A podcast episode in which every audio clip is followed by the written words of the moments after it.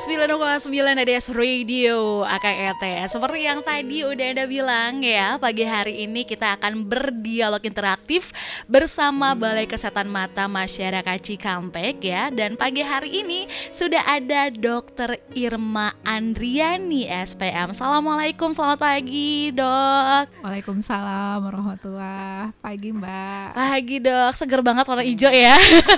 Langsung mata langsung, langsung seger gini ngeliatnya dok Apa kabar? Alhamdulillah baik Alhamdulillah baik ya. Nah, Akang Ete untuk tema kita hari ini adalah lagu koma ya. Iya Nah, betul sekali. Lagi sibuk apa, Dok, di balai? Pasien, mm pasien Mm-mm. Banyak juga Biarpun Banyak ya, covid eh, Ada Walaupun aja Covid ada aja gitu ya, Dok. Yang penting dokternya juga sehat ya, Dok ya. Amin. Amin. Nah, mungkin eh, sebelum kita ke pembahasan, kasih tahu dulu secara garis besarnya tentang tema kita untuk pagi hari ini, Dok. Silakan. Eh, Kita pagi ini akan bahas tentang glaukoma Glaukoma, Merupakan suatu penyakit yang menyebabkan eh, Kebutaan Kebutaan. Mm-mm. Mm-mm. Dia menduduki nomor dua di dunia Mm-mm. Jadi setelah katarak Penyebab kebutaan adalah glaukoma Glaukoma ya. Oh, penyakit glaukoma ini eh, kebutaan yang enggak irreversible lah Mm-mm. kalau bisa dikatakan kalau katarak kan kebutaan tapi Kebutaan. bisa melihat lagi setelah ada penanganan Oh, khusus. gitu, kalau glaukoma ini untuk melihat lagi itu susah diprediksikan Oke, jadi karena yang rusak kemungkinan untuk melihatnya saraf matanya yang rusak. Oke, jadi kemungkinan untuk melihatnya lagi juga sulit.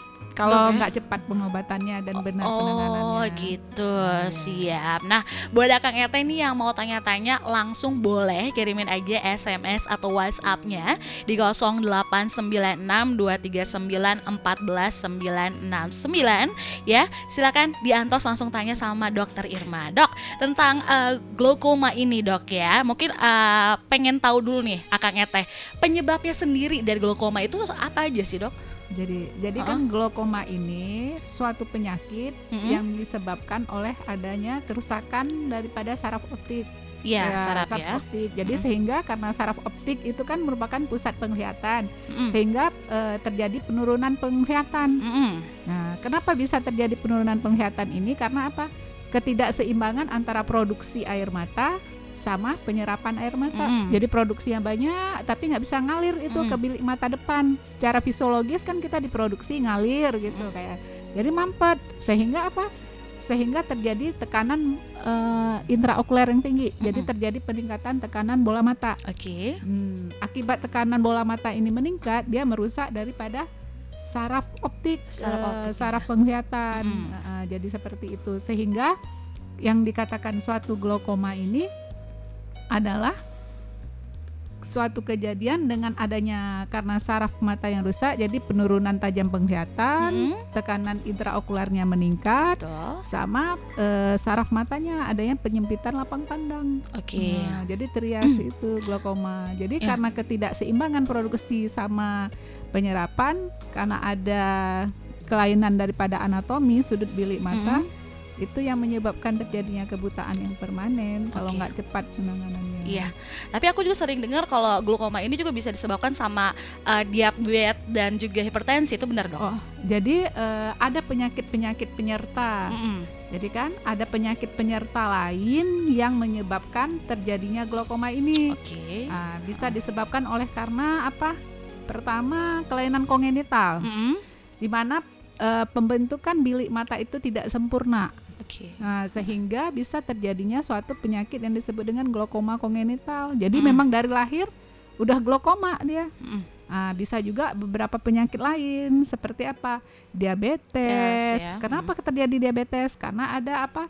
Pembentukan saraf-saraf mata baru yang Mm-mm. menyebabkan eh, saraf mata itu terjadi perdarahan, perdarahannya terbentuk perdarahan pembuluh darah baru yang menyumbat dia sampai ke bilik mata depan. Iya. Hmm, sehingga terjadi penyumbatan lagi eh, aliran air. Nah, itu yang menyebabkan diabetes, hipertensi, kadang-kadang juga migrain. Kenapa migrain? Karena kan eh, migrain itu juga menyerang saraf mata kan. Iya. Mm-mm, jadi sakit kepala karena saraf mata ini kan dia sampainya sampai ke otak belakang. Otak belakang. Mm, ya. mm, mm. Jadi seperti kabel. Jadi kayak lampu ini nyala nih, Mm, mm. ada kabelnya kan di Iya. pusatnya sana. Betul. PLN. Nah, Mm-mm. sama juga kayak mata ini untuk melihat itu ada pusatnya di eh, saraf mata kita Iya. di otak kita di belakang ya. Kabelnya itu kalau migrain kan tekanan intrakranial yang tinggi juga menekan saraf mata sehingga bisa terjadi glaukoma juga. Oke, Hmm, siap. itu. Tapi kalau misal kita buat cara taunya nih dok ya, untuk gimana sih cara kita buat tahu kalau ini tuh penyakit glukoma itu mungkin ada eh, awal-awalnya gejala awalnya seperti apa dok? Nah, penyakit ini kan juga dipengaruhi oleh suatu faktor keturunan. Mm-mm. Ah, jadi kalau misalnya kita mempunyai ayah atau ibu atau kakek atau nenek Mm-mm. yang mempunyai riwayat glaukoma, Mm-mm. sebaiknya pada usia 40 tahun ke atas kita memeriksakan diri ke dokter secara Oke. teratur Mm-mm. untuk mengukur apa tekanan intraokular kita, tekanan bola mata. Mm-mm. Karena sebenarnya glaukoma ini kan suatu penyakit yang berjalannya perlahan, ada yang berjalan perlahan, ada yang tiba-tiba. Nah, kalau yang eh, sifatnya yang berjalan perlahan itu Mm. terjadi penyempitan lapang pandang. Oke. Nah, jadi se- sedikit aja. Jadi kita sebenarnya bisa aja dengan melihat apa eh, kalau gini nih Mm. teman kita ngelihat nggak kita tapi lurus ke depan lapang pandang kita itu masih luas masih nggak? luas apa enggak ya? Ah, ah. Mm. dengan cara ada orang lain yang melihat sama jadi kalau Hmm. orang lain masih terlihat kita udah nggak terlihat berarti kita udah gejala awal Gejala glaukoma awalnya, itu oke. pada eh, glaukoma sudut terbuka ya. Sedangkan kalau sudut tertutup itu pasti di- eh, disertai dengan nyeri kepala yang hebat sakit tiba-tiba mual muntah. Nah itu sering kali kadang-kadang pasien masuk ke IGD itu dengan gejala mual muntah sakit kepala hebat. Nah langsung dibawa ke IGD diagnosanya adalah sakit kepala Sakit migrain kepala, migrain. ya. tidak diperiksa matanya padahal matanya tuh sangat merah buram juga Hmm. Eh, udem Mm-mm. padahal itu adalah serangan glaukoma akut Oke. Nah, eh, jadi gejala glaukoma itu beda-beda tergantung penyebabnya Mm-mm. kalau sedangkan pada bayi ya ge- gimana sih gejala klinis pada bayi Nah, iya. Eh, kalau pada mata bayi itu kornea itu besar kan ada ya Iya. kornea mata yang kita mata nah kalau pada bayi itu lebih besar Membesar kayak gitu ya dok? ya? Ah, lebih Oke, besar oke. dibandingkan dibandingkan dengan putihnya kalau Oh. dibandingkan dengan lain sehingga seperti apa telur mata sapi kan ada matanya besar ya gitu. Iya, iya, iya. Nah, itu jadi sehingga gejala awalnya itu sering berair, berair Hmm. aja seperti itu. Oke. Ah, ah, sering keluar air mata terus dan kita lihat bentuk matanya itu bili eh, apa eh, kornea matanya itu lebih besar Hmm. dibandingkan dengan mata sebelahnya kalau terkena satu mata ya. Ya. Berarti nggak mengenal usia juga ya dok ya glukoma ini ya? nggak. Berarti Bisa. bayi juga bisa ya? bisa. Oke, siap, siap. Nah, terus untuk eh, bagiannya dok, ini ada berapa sih bagian atau dapat dibagi berapakah ini penyakit glukoma ini? Ya seperti saya bilang Mhm. tadi berdasarkan gejala klinis ya, Mm-mm. ada yang primer, ada yang sekunder Mhm. kan. Kalau yang primer itu ada yang sudut terbuka dan sudut tertutup.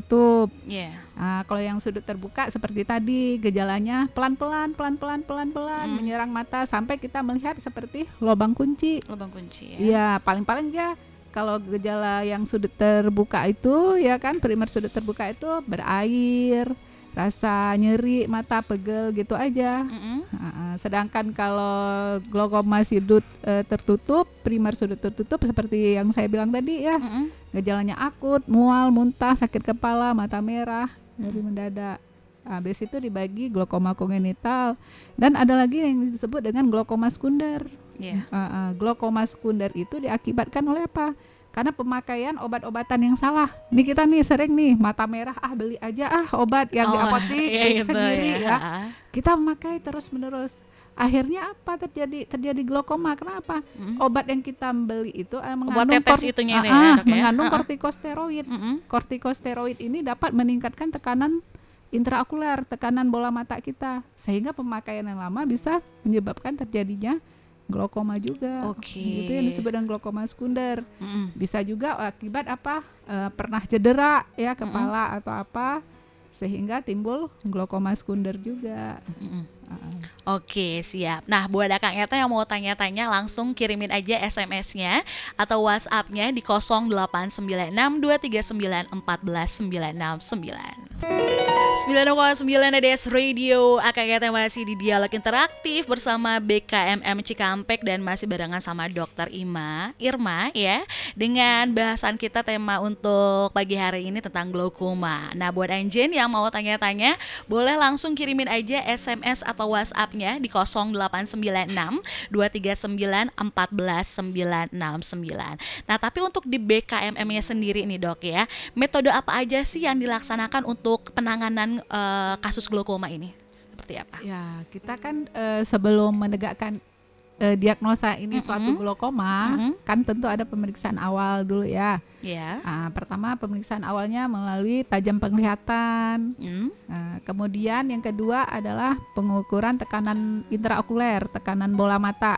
Yeah. Nah, kita udah punya alat yang canggih, non kontak. Kalau dulu kan alatnya ditaruh di mata nih, di kornea, mm. dikasih obat tetes baru diukur, dapat tuh berapa.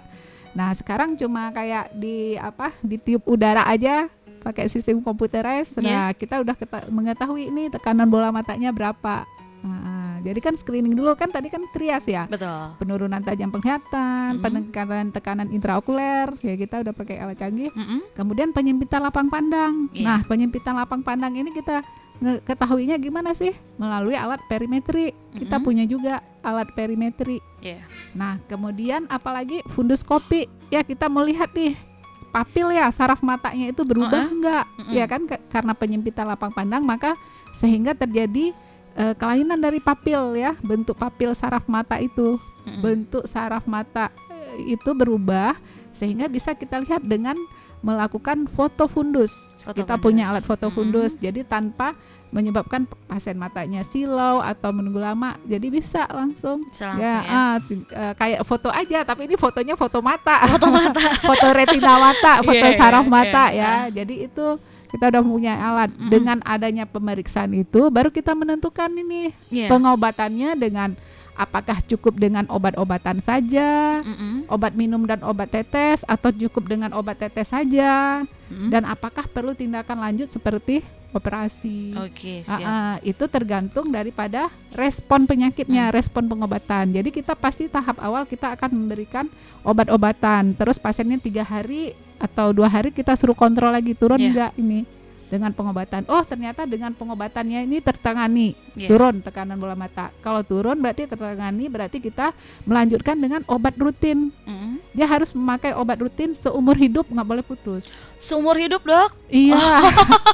Karena apa? Yeah, yeah. Tujuan pengobatan uh. glaukoma ini mm. adalah untuk menurunkan tekanan bola mata. Mm -mm. Kalau tekanan bola matanya terkontrol, yeah. berarti dia tidak merusak saraf mata. Mm -mm kalau tekanan yang nggak terkontrol tinggi tiba-tiba nah rusak nah kalau udah rusak kamu susah balik lagi mm. sama kayak orang hipertensi itu kan harus minum obat makan mm. teratur kan Betul. secara terus menerus juga mm. supaya apa saraf otaknya kan nggak nggak kena stroke ya iya, nggak yeah, pecah nah, betul. nah begitu juga tujuan pengobatan glaukoma itu itu mengontrol tekanan bola mata supaya mendekati normal, normal. atau normal okay. supaya tidak merusak uh, saraf mata sehingga penglihatannya bisa kita selamatkan. Okay, Jadi siap. memang harus oh kalau ini sebulan, kalau udah bagus mungkin seminggu dua minggu. Hmm kemudian uh, sebulan, kemudian tiga bulan sekali hmm. atau enam bulan sekali bisa kontrol okay, gitu. Siap. Jadi emang harus kontrol terus menerus. Continue lah ya dok ya. Continue, nggak boleh putus. Nah langsung aja Kang Ete ya kunjungi BKMM Cikampek nih ya buat berobatnya di Jalan Insinyur Haji Juanda nomor 10 Cikampek tepatnya di samping DL LAJR Cikampek.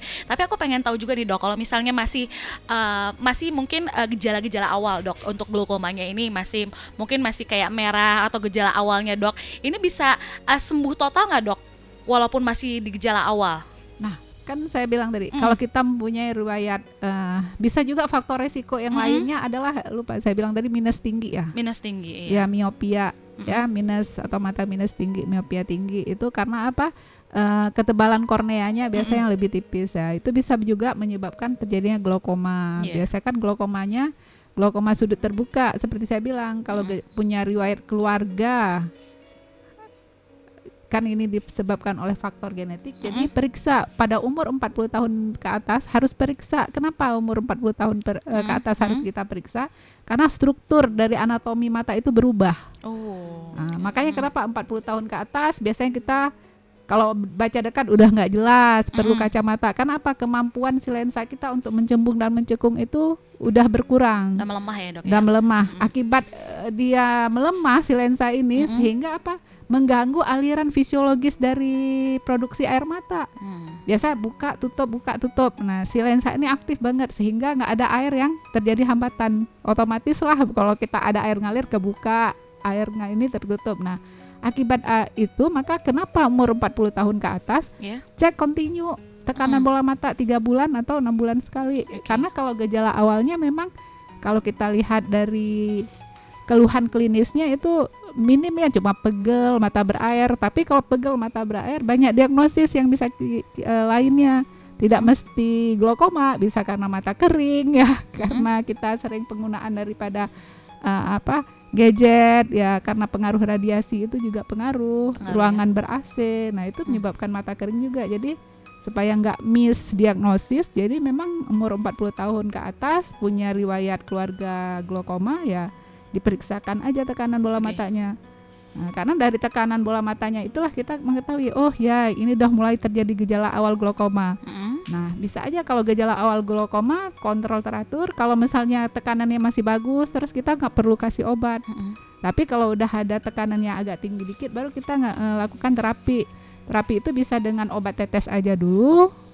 Kalau tekanannya stabil ya tetap obat tetes. Obat Oke. tetesnya nggak banyak, nggak mesti dua jam sekali nggak. Paling sehari sekali Sehari sekali, pakainya, oke. Ah, atau enggak dua kali sehari. Oke. misalnya. Tapi kalau misalnya ada riwayat keluarga nih dok yang menderita glaukoma ini, tapi usianya belum 40 tahun dok, bisa memeriksakan, langsung bisa eh, kedeteksi nggak itu? Bis- bisa, Bisa, sih, ha-ha. tapi gejalanya belum muncul. Oh gejala belum muncul. Kenapa? Oke. Seperti saya bilang, Ha-ha. kemampuan si lensa mata masih mencung- mencukungnya masih apa? Masih normal anatomisnya ya? masih normal. Iya. Mesin-mesinnya masih bagus lah, Mm, mesin mm. matanya. Jadi Mm. nggak akan menimbulkan gejala. Oke, berarti Iya. boleh dilihat nanti pas usia 40 tahun ya. Iya. Siap-siap. Nah, Kak Keta yang mau tanya-tanya tentang tema kita eh, pagi hari ini boleh kirimin aja SMS atau WhatsApp-nya di 0896 239 14969 ya. Berarti tadi untuk eh, siapa aja sih yang beresiko terkena glaukoma ini? Apa nih, Dok? Siapa aja nih? Ya tadi seperti saya Ah, bilang tadi ada eh, tambahannya mungkin? ada riwayat keluarga, Mm-mm. minus tinggi, Mm-mm. punya penyakit migrain, Migrain ya. punya penyakit hipertensi, punya Mm-mm. penyakit diabetes, Nah, seperti itu. Oke, bisa langsung periksa juga ya, Dok ya. Iya. Kalau misal punya riwayat kayak gitu. Iya. Nah, tapi untuk alternatifnya dok, ini untuk alternatif penanganan glaukoma ini sendiri seperti apa dok? Ya dengan operasi. Operasi? Iya. Gak ada yang lain dok? Rada ngeri ya kalau bisa dengar kata operasi itu. Iya. Dengan operasi, ya? iya. Oke, siap ya. Akak Yate silakan yang mau tanya-tanya dikirimin aja SMS untuk WhatsApp-nya juga boleh di 0896 239 14969. Nah, untuk praktek dok ya, dokter hari apa aja dan jam berapa nih ya? Kalau misalnya Kak Yate mau berobat ke BKMM Cikampek nih untuk dokter Irma sendiri. Ya, Mm. eh, kita ada jadwal Mm. di BKMS Cikampek itu Senin sampai Jumat dari jam setengah delapan pagi sampai jam 11 siang Mm-mm. untuk pendaftarannya. Ya. Eh, pemeriksaannya bisa sampai jam satu siang sih, kan ngantri. Ya. Kalau ngantri ya, waduh padat kayak dok ya. Tapi jangan lupa tetap kalau mau berkunjung ke BKMM harus menegakkan protokol kesehatan Betul ya. sekali. Nggak Ah. boleh lagi demam, Mm-mm. harus pakai masker, Ya. harus cuci tangan Mm-mm. sebelum dan setelahnya. Nah, itu dia. Terus yang ngantar juga nggak boleh banyak-banyak. Biasanya kan kalau mau berobat itu gitu ya, dok, ya? RT mau berobat satu Iya benar ya berobatnya sendiri ya Iya. kan nganternya se-RT Iya. Siapa Kak Yete Ditungguin SMS atau WhatsAppnya udah ada beberapa yang bertanya. Untuk pagi hari ini akan dijawab satu persatu setelah yang satu ini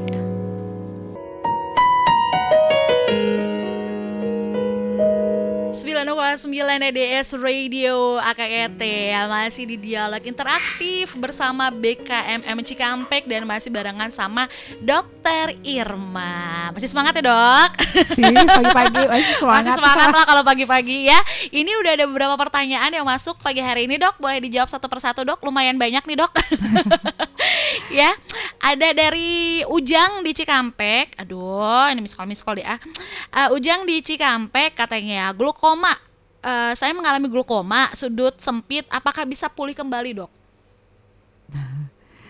gimana dok Ini umurnya berapa? Iya, kan nggak umur, dikasih, nggak dikasih tahu dok nah, umurnya berapa umur juga mempengaruhi ya.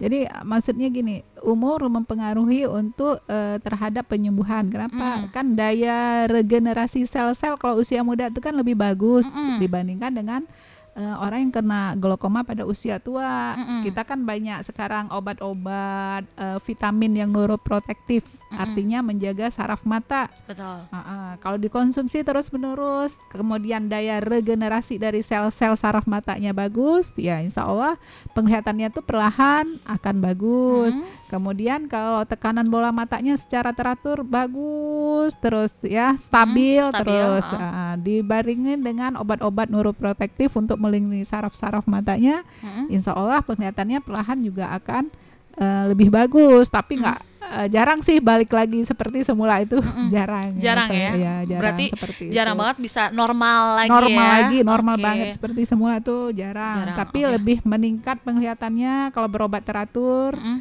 Dengan pengobatan atau Mm-mm. dengan operasi. Nah, insya Allah bisa dipertahankan penglihatan yang ada atau lebih meningkat. Oke siap Lanjut ada dari Bapak Amin di Cikampek Dok untuk glaukoma jika saraf matanya sudah pucat Lalu disuruh stop minum obat dan tetes obatnya hanya disuruh minum obat citiholin saja Lalu efek mata menjadi semakin gelap dan kepala sakit Gimana cara mengatasinya ya dok? Katanya citiholin ya, yang saya bilang tadi itu eh, Citicolin merupakan eh, salah satu obat neuroprotektif. Mm-mm. Nah, obat neuroprotektif yaitu untuk menjaga saraf, Saraf Ah, ah, untuk mengembalikan saraf-sarafnya supaya berfungsi lagi Mm-mm. ya istilah awamnya. Itu eh, suatu obat-obat neuroprotektif. Mm-mm.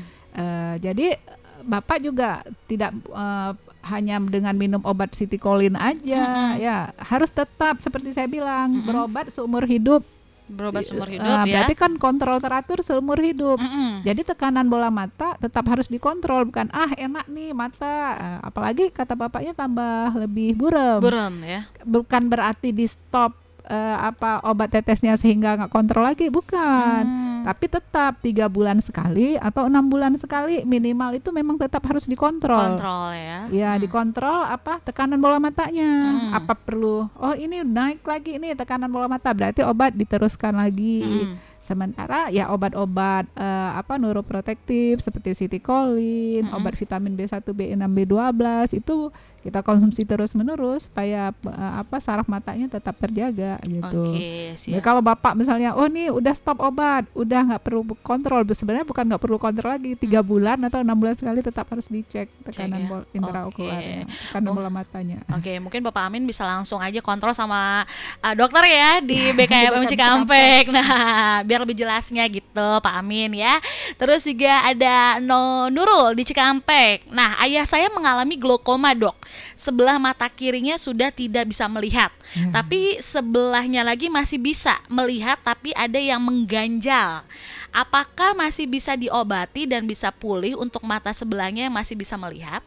Ya, artinya yang mata melihat itu itulah yang harus benar-benar dijaga, Mm-mm. harus te- eh, benar-benar eh, terkontrol tekanan bola matanya. Mm-mm. Karena biasanya glaukoma itu jarang satu mata.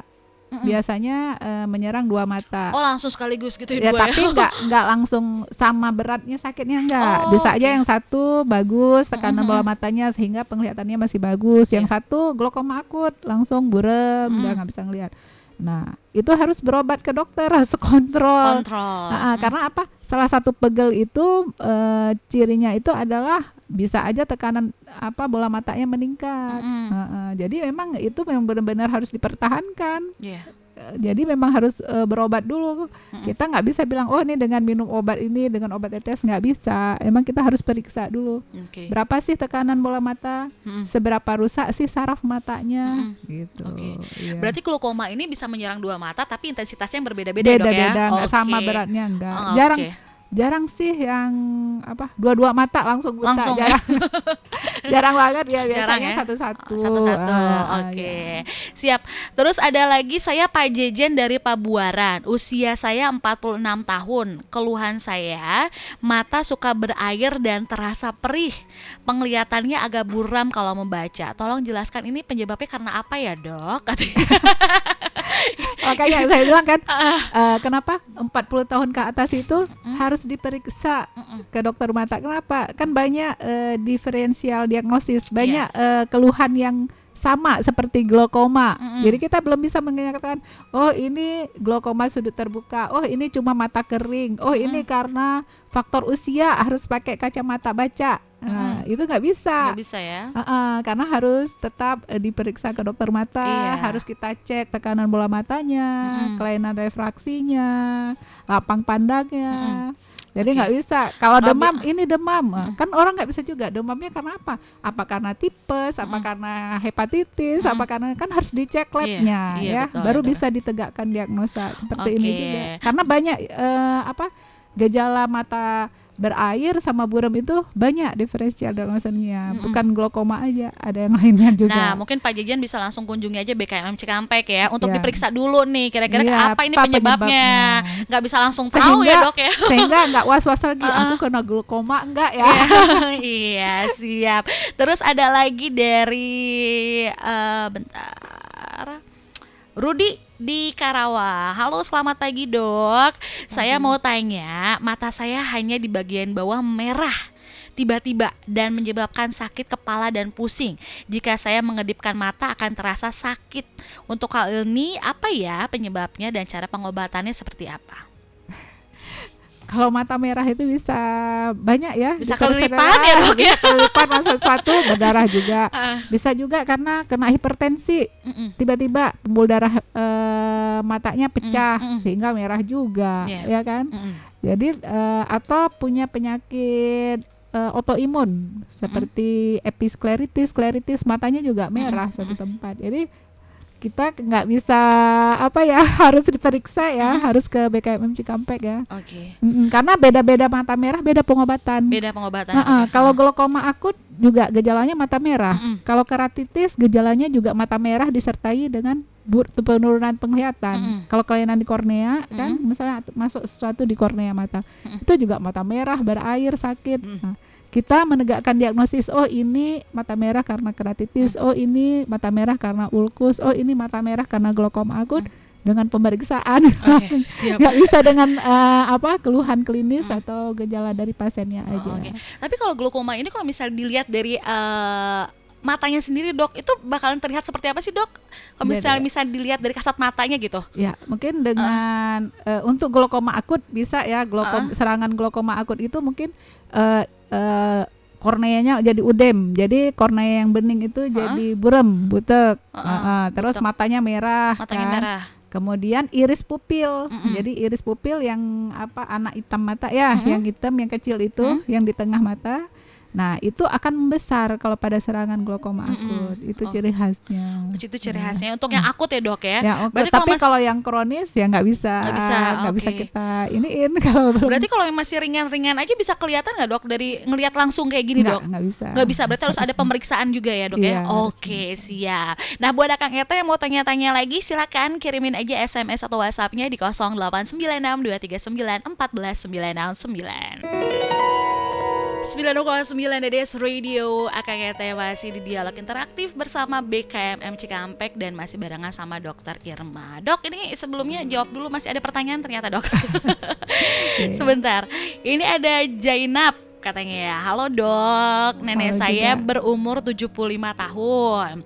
Mengeluhkan sakit kepala sebelah kiri selama tiga hari dengan rasa sakit yang kadang datang, kadang hilang. Hingga sekarang matanya merah sebelah dan penglihatannya jadi rabun. Sudah berobat dan katanya darah tinggi setelah minum obat juga masih sakit. Bagaimana ya dok pengobatannya? Ya berarti kan harus ke BKMM itu. Nah, harus ke Ke- BKM kemungkinan ya. eh, apa seperti saya bilang tadi ya Mm-mm. k- kalau dokter umum itu kadang-kadang misdiagnosis karena kan Mm-mm. keluhan pasien itu pada saat serangan glaukoma akut adalah bukan dibilang ini mata saya merah buram enggak sih Mm-mm. pasti dia mengeluh aduh sakit kepala mual muntah itu mual sakit kepala muntahnya hebat Mm-mm. sehingga cuma diperiksa tensi terus kasih obat penurun menghilang sakit kepala. Terus dikasih obat penurunan eh, tekanan darah tinggi. Nah itu tetap tidak akan ini tidak akan menghilangkan gejala mata buram sama mata merah sakit. Iya. tetap akan sakit kepalanya. Kenapa? Mm-mm. obat untuk glaukoma sama obat hip- untuk menghilangkan sakit kepala oleh karena hipertensi atau migrain itu berbeda mbak. Beda ya. beda obatnya. Sehingga apa keluhan eh, sakit kepalanya pasti masih tetap Betul. biarpun udah dikasih obat anti hipertensi Mm-mm. maka buru-buru ke BKMM Betul. Buru-buru ke BKM iya Cikampek. biar diperiksa Mm-mm. biar cepat pengobatan sehingga jadi as soon as possible jadi makin cepat pengobatan makin cepat dia balik lagi penglihatannya ke seperti semula jangan Betul. sampai sarafnya rusak Nah, Hmm. itu dia. Jadi langsung aja Jenap bawa neneknya ke BKM Cikampek ya. Iya. Kalau nggak tahu di mana di Jalan Insinyur Haji Juanda nomor 10 Cikampek ya, Dok. Iya. Di samping DLLJR atau mau telepon dulu boleh di 0264 838 7136. Dok, ada satu lagi, Dok. Bentar ya. Ada Rama. Selamat pagi, Dok. Saya Pagi. berusia 17 tahun dan saya mengalami mata terasa aneh. Terasa Mungkin aneh. seperti abis nangis atau seperti bangun tidur dan mata saya di bagian kanan pernah secara tiba-tiba nyeri. Hal itu membuat migrain dikarenakan saya menonton HP dengan miring menonton melihat kali ya. melihat handphone dengan eh, posisi miring ke kanan. Lalu setelahnya setiap hari saya merasa mual, Dok, dan tidur tidak teratur. Paling lama saya tid- tertidur jam 4 jam katanya. Padahal biasanya saya tidur selama 8 jam. Dan saya mencoba tidur kembali yang ada setiap satu jam saya terbangun. Bagaimana cara mengatasinya ya dok? Gimana dok? Jadi kan mungkin Ah, eh, itu yang disebut juga dengan eh, kalau pada usia muda ya kita eh, mata tiba-tiba buram, berair, nggak enak, sakit kepala, disertai mual muntah, kita biasanya eh, lebih ke eh, diagnosisnya kepada computer vision syndrome CVS. Jadi Mm-mm. eh, akibat apa? Eh, kelainan mata atau kelainan bagian tubuh yang disebabkan oleh karena eh, kebanyakan lihat HP handphone, handphone ya, ya atau tablet. Nah, Mm-mm. itu menyebabkan apa? Mata kita jadi berkonsentrasi, terus melihat, terus Mm. jadi diajak bekerja, terus lama-lama matanya lelah. Mm-mm. Uh, itu bisa menimbulkan juga apa silinder minus uh, karena biasanya kan kalau sambil tiduran pasti dengan mati lampu ya Mm-mm. itu lebih ini lagi uh, otot-otot mata itu lebih capek lagi Hmm. untuk bekerja yang lebih memaksakan diri lebih ekstra kerjanya ya dok ya Iya, sehingga apa menimbulkan gejala sakit kepala, mual, Mm-mm, muntah. mm-mm. Jadi bukan nggak nggak lebih cenderung ke glaukoma enggak, tapi eh, kita eh, lebih diagnosisnya kalau berdasarkan eh, anamnesis ini ke CVS, Computer Vision Syndrome. oke Ya, jadi Siap. Kalau misalnya udah timbul astigmat atau udah timbul minus ya terapinya dengan kacamata. Kacamata. Ya, ya, berarti berobat dulu ke BKMM mau Nah, tahu ukurannya kacamatanya benar. harus diperiksa Ya. lagi pakai komputer ya. Kang Rama langsung aja kunjungi BKM Cikampek Ya. ya. Siap. Oke dok, kalau gitu langsung aja ke kesimpulan tentang obrolan kita pagi hari ini tentang glaukoma. Mangga dok. Jadi eh, glaukoma itu adalah suatu penyakit yang menyebabkan kebutaan nomor dua di dunia. Jadi suatu kebutaan yang sulit untuk disembuhkan bila kita udah terkena gejala glaukoma ini. Iya. Karena apa? Dia merusak sistem saraf penglihatan kita Mhm. sehingga menyebabkan eh, penurunan tajam penglihatan. Iya. Oleh karena itu, kalau mempunyai riwayat keluarga glaukoma, eh, punya riwayat minus tinggi, punya penyakit diabetes, punya penyakit hipertensi atau riwayat migrain, sebaiknya kontrol teratur ke dokter mata Eh, tiga bulan atau enam bulan sekali untuk memeriksa tekanan bola mata. Supaya apa? Supaya kebutaan oleh karena glaukoma ini bisa kita cegah, Iya. baik dengan pengobatan maupun dengan operasi seperti itu, Mbak. Oke, itu aja cukup dok. Ya. Oke, terima kasih dok udah hadir pagi hari ini ya. Mudah-mudahan obrolan kita nih bermanfaat buat Akang Ete yang mendengarkan pagi hari ini ya. Amin. Jadi buat Akang Ete yang mengalami gejala tentang mata ya, uh, langsung aja kunjungi BKMM Cikampek beralamat di Jalan Insinyur Haji Juanda nomor 10 Cikampek tepatnya di samping DLLAJR Cikampek. Buka setiap hari Senin sampai dengan hari Jumat Akang Ete buat anjing yang mau telepon dulu, tanya-tanya dulu misalnya boleh telepon di 0264 83 387136. Itu dia tadi ya Kang Ete, dialog interaktif bersama Balai Kesehatan Mata Masyarakat Cikampek.